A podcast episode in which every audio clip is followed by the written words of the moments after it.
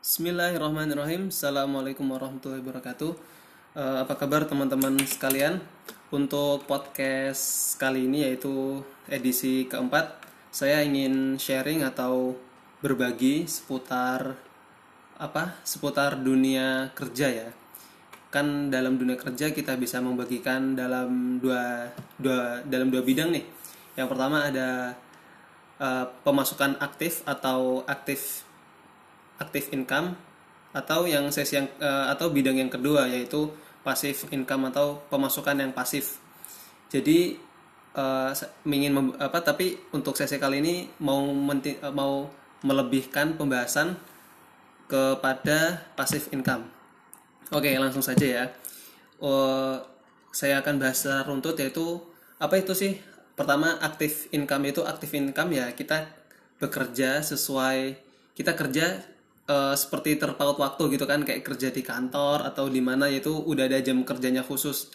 Kamu kerja jam sekian sampai jam sekian gitu kan. Itu adalah dan itu eh, gajinya ya kita per bulan entahkah itu mau kamu kerja kerjaan kamu banyak atau dikit ya digajinya ya tetap segitu per bulan misalkan kamu dapat sebulan ini dapat berapa misalkan ya dapat 500 lah misalnya itu kamu mau kerja banyak mau kerja dikit selama sebulan itu ya dapatnya ya 500 terus nah eh, untuk yang kedua ini eh, dunia passive income yaitu passive income adalah kita misalkan ya salah satunya cara itu menyetok barang di marketplace. Nah, apa tuh menyetok barang di marketplace? Apa itu marketplace sendiri? Nanti kita kita bahas apa se- sesuai jalannya waktu ya.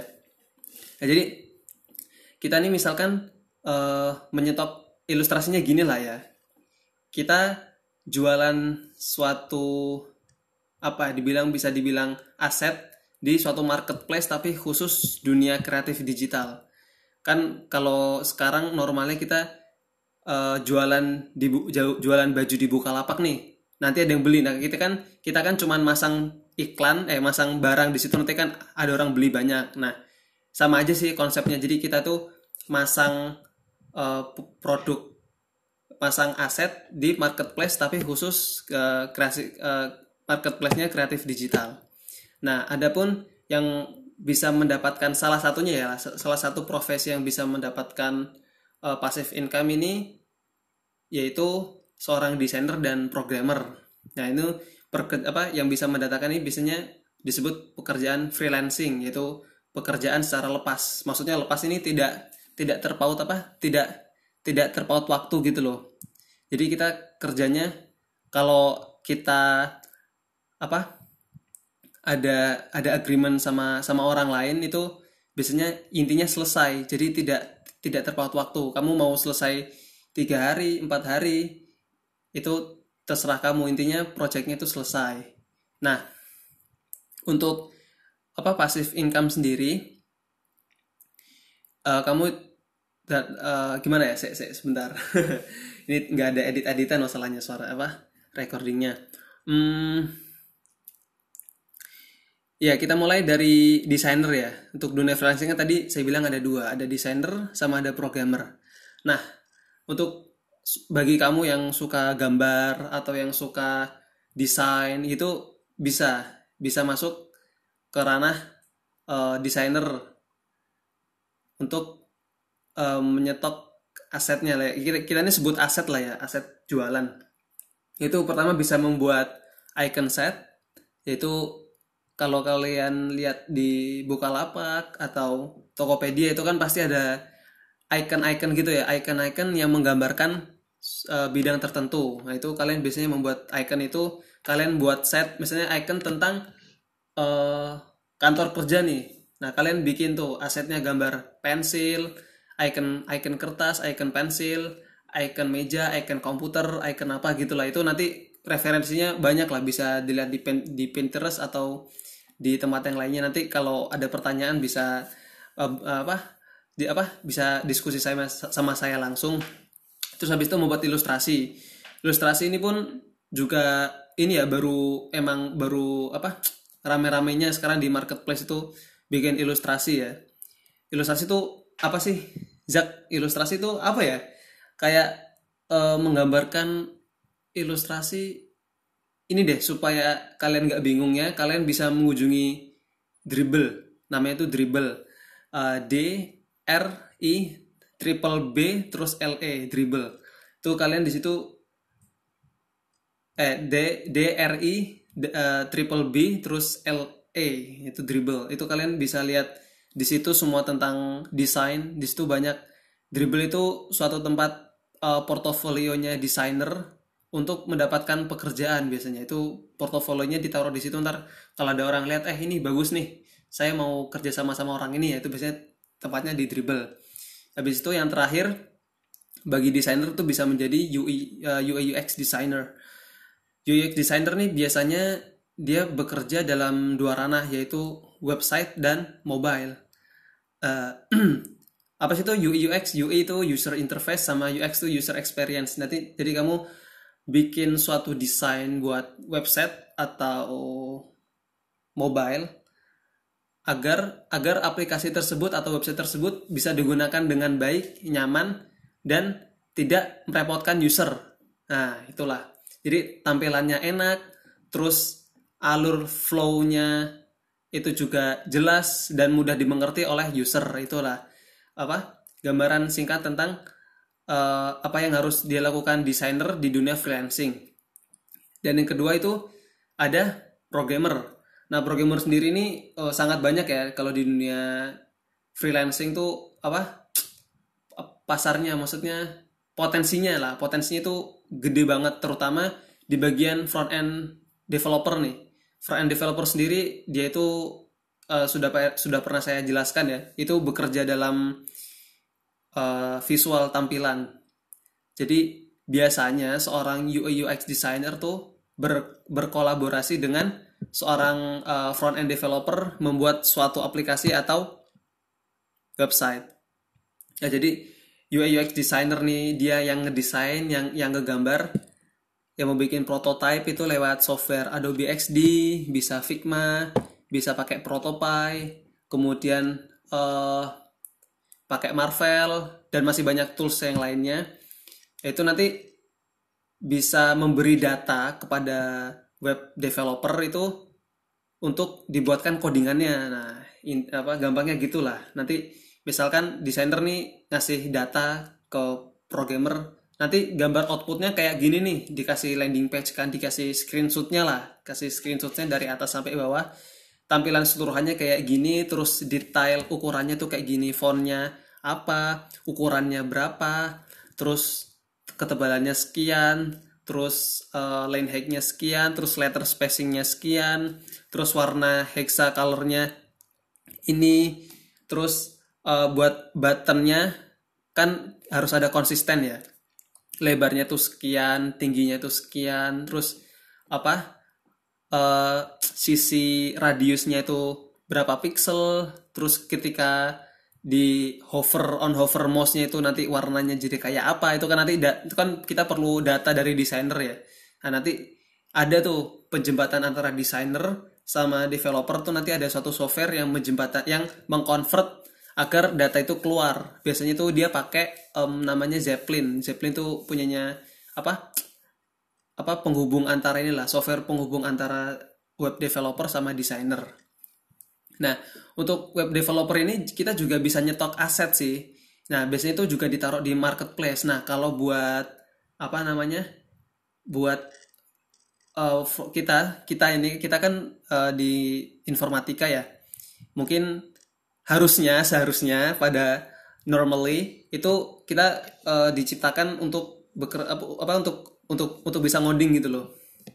Nah, jadi uh, misalkan kita menjadi apa front end developer nih dan kita mau bekerja freelance bisa kita buat website terus kita jual. Bukan kita jual. Ya bener. Kita jual cuman kayak cuma naruh barang gitu loh. Nanti kalau ada orang tertarik baru beli. Nah kayak gitu. Biasanya marketplace yang aku sering kunjungin itu namanya Temforest atau envato.com nah itu adalah uh, bagiku itu inilah number one marketplace buat buat template uh, template desain entahkah itu template. Jadi kita tuh nanti bakal buat template website. Nanti jadi kayak ada template website ada template uh, apa tuh powerpoint ada desain juga ada kode juga juga dijual di situ. Jadi nanti kalau kalau coding ini nanti masuknya ke back end ya. Sekarang kita bahas di webnya dulu. Nah jadi kalian nanti bisa bikin website yang bagus terus user experience-nya dapat ya, user interface-nya bagus. Itu nanti kalau ada pengunjungnya lihat oh misalkan kita mau bikin ini sih. Nanti kalau itu kan buat pendama, penda, pendalamannya kan masih dalam banget ya. Ini kan cuman ibarat kita bahas kulitnya aja lah. Jadi kita bikin web template website kita kita jual di situ berapa lah. Nah, untuk template sendiri kan kalau kita kan dulu pernah diajarin HTML, CSS, JavaScript. Nanti terus kita belajar sendiri, explore sendiri, belajar framework, belajar apa itu library, terus nanti apa itu progressive web app, terus nanti masih banyak lah yang harus kita pelajarin buat membuat suatu template itu agar agar laku di pasar. Sebenarnya kita kompetitor nih banyak nih, banyak banget kompetitor. Nah, untuk uh, untuk itu, nah yang saya ingin sampaikan di sini adalah apa? Ingin mengajak teman-teman ini sih buat ya seenggaknya kita bisa inilah nambah-nambah uang jajan kan gitu kerja apa kita selain men, apa selain menambah uang jajan kita juga ini bisa up, bisa upgrading skill gitu loh jadi kan lumayan kan misalnya kalau kalau sebulan tuh bisa dapat bisa sebulan aja. Bayangkan sebulan aja tuh laku laku satu lah. Laku ada ada yang ada yang ada yang beli satu dan itu kamu tarif. Misalkan kalau paling murah itu sih 10 dolar. Ya gitu, gitu. Apa kita mainnya dolar sih? Nanti kalau buat payment kayak gitu buat pembelian dolar itu nanti urusan belakangan. Yang penting template-nya jadi dulu. Jadi dulu. Biasanya di paling murah itu 10 dolar. Kalau sekarang katakanlah satu dolar tuh 14 ribu ya satu template dijual 140 ribu. Itu bayangkan kalau satu satu bulan ada yang beli satu aja 140 ribu kali 12 tuh udah berapa? Hampir satu juta lima ratusan lah kalian setahun. Kan lumayan ya nanti bisa buat apa nambah-nambah uang-uang jajan gitu kan beli-beli cilok. Nah uh, dan tadi aku habis diskusi sama seseorang dia tuh masih bingung begini. Yang aku bingung tuh ini belajarnya dari mana gitu loh Jack soalnya banyak source kan. Ya kamu banyak kamu kasih aku banyak banget sumber buat belajar. Cuman aku bingung harus mulai dari mana. Nah untuk dunia freelance ini kan uh, emang baru ini ya baru baru anget-angetnya sekarang kan. Nah aku punya suatu chen, suatu rekomendasi dan aku merekomendasikan ini bu uh, nggak dibayar sama sekali sama dia. Maksudnya kan maksudnya aku emang ngelihat dia ini bagus banget dalam penyampaian terus dalam videonya juga clear bahasanya juga mudah dimengerti. Indonesia kok tenang aja Indonesia. Ini orang Indonesia. Uh, itu coba deh kamu buka uh, pertama ini aja. Aku aku saranin buka Instagramnya dulu namanya Build with Angga. Jadi dia itu seorang ya aku ini ya perkenalan tentang dia dulu yang yang aku tahu ya. Dia itu seorang uh, desainer. Kemudian dulu tuh gini dia tuh kuliah di informatika. Cuman waktu itu karena nilainya nggak cukup akhirnya dia drop out. Nah tapi jangan diambil drop outnya ya.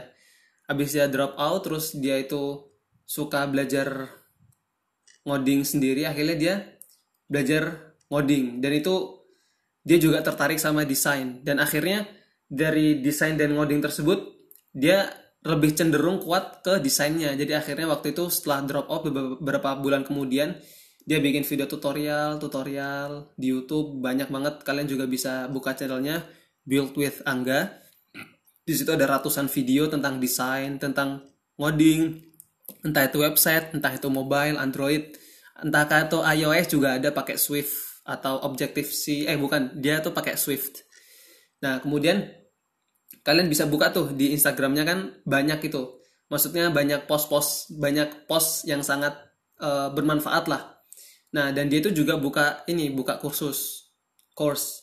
Jadi kalau yang aku tahu itu dia buka buka tiga course. Yang pertama itu uh, Android tentang tiket online pembelian tiket online. Terus kemudian Android tentang uh, aplikasi dokter kalau kalian tahu aplikasi Halodoc Nah, itu semacam itu jadi kita bikin aplikasi kesehatan kemudian membuat integrasi dashboard uh, website untuk penjualan di aplika di aplikasi tiket online tadi. Jadi terintegrasi dengan dashboard website. Nah, kemudian itu kan udah ada tiga nih. Nah, terus yang keempat terakhir tuh dia bikin full full stack designer.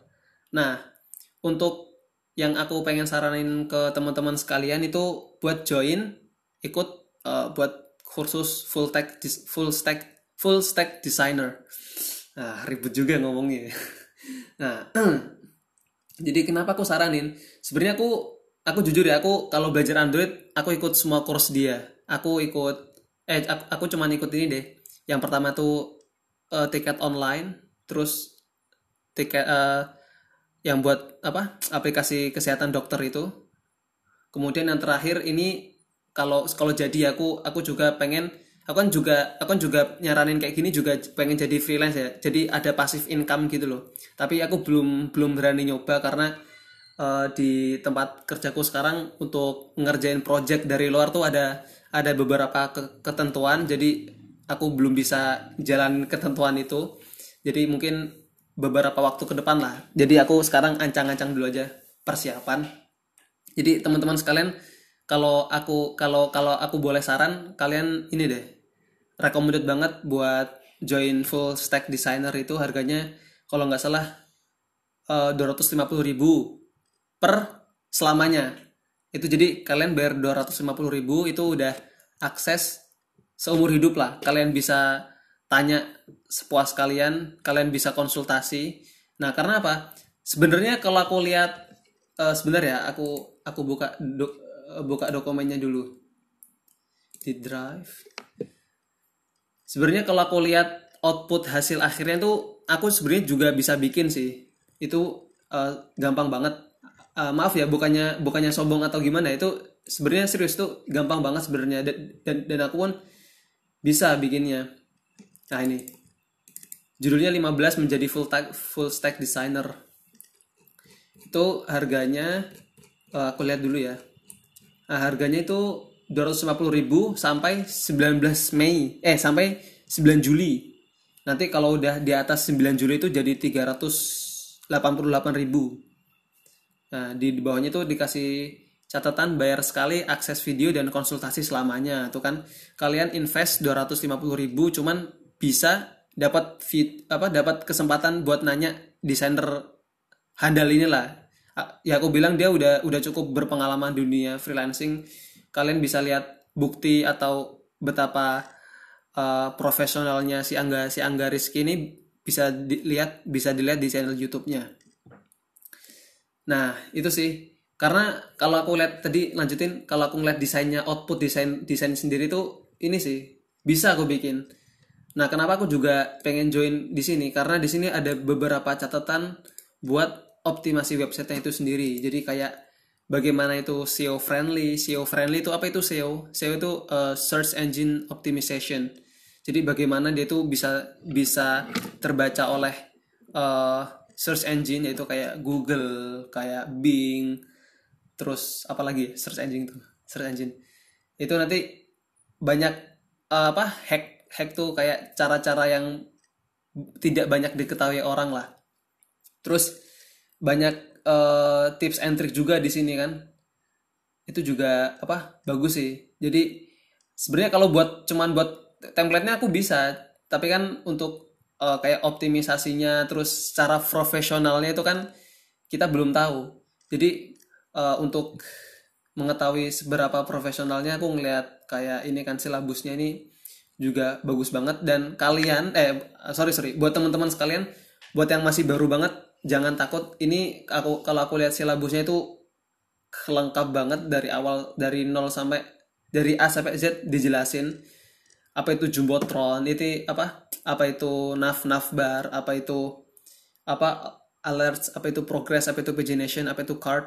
Itu nanti dijelasin di sini semuanya. Apa itu flexbox utilities apa itu grid apa itu grid system? Terus gimana responsif desainnya gimana? Apa itu drop down? Apa itu carousel collapse popover modal? Nah itu nanti istilah-istilah yang seperti itu nanti bakal kalian temuin di di course ini. Jadi aku saranin kalian eh teman-teman sekalian buat ikut course ini untuk apa membranding diri lah. Nanti siapa tahu kan uh, bisa bisa apa berkarya di dunia di dunia ini di dunia freelancing gitulah. Nanti kan kalian bisa bikin template terus nanti dijual.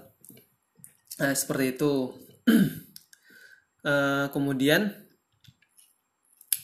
mungkin cukup segitu dulu aja sih.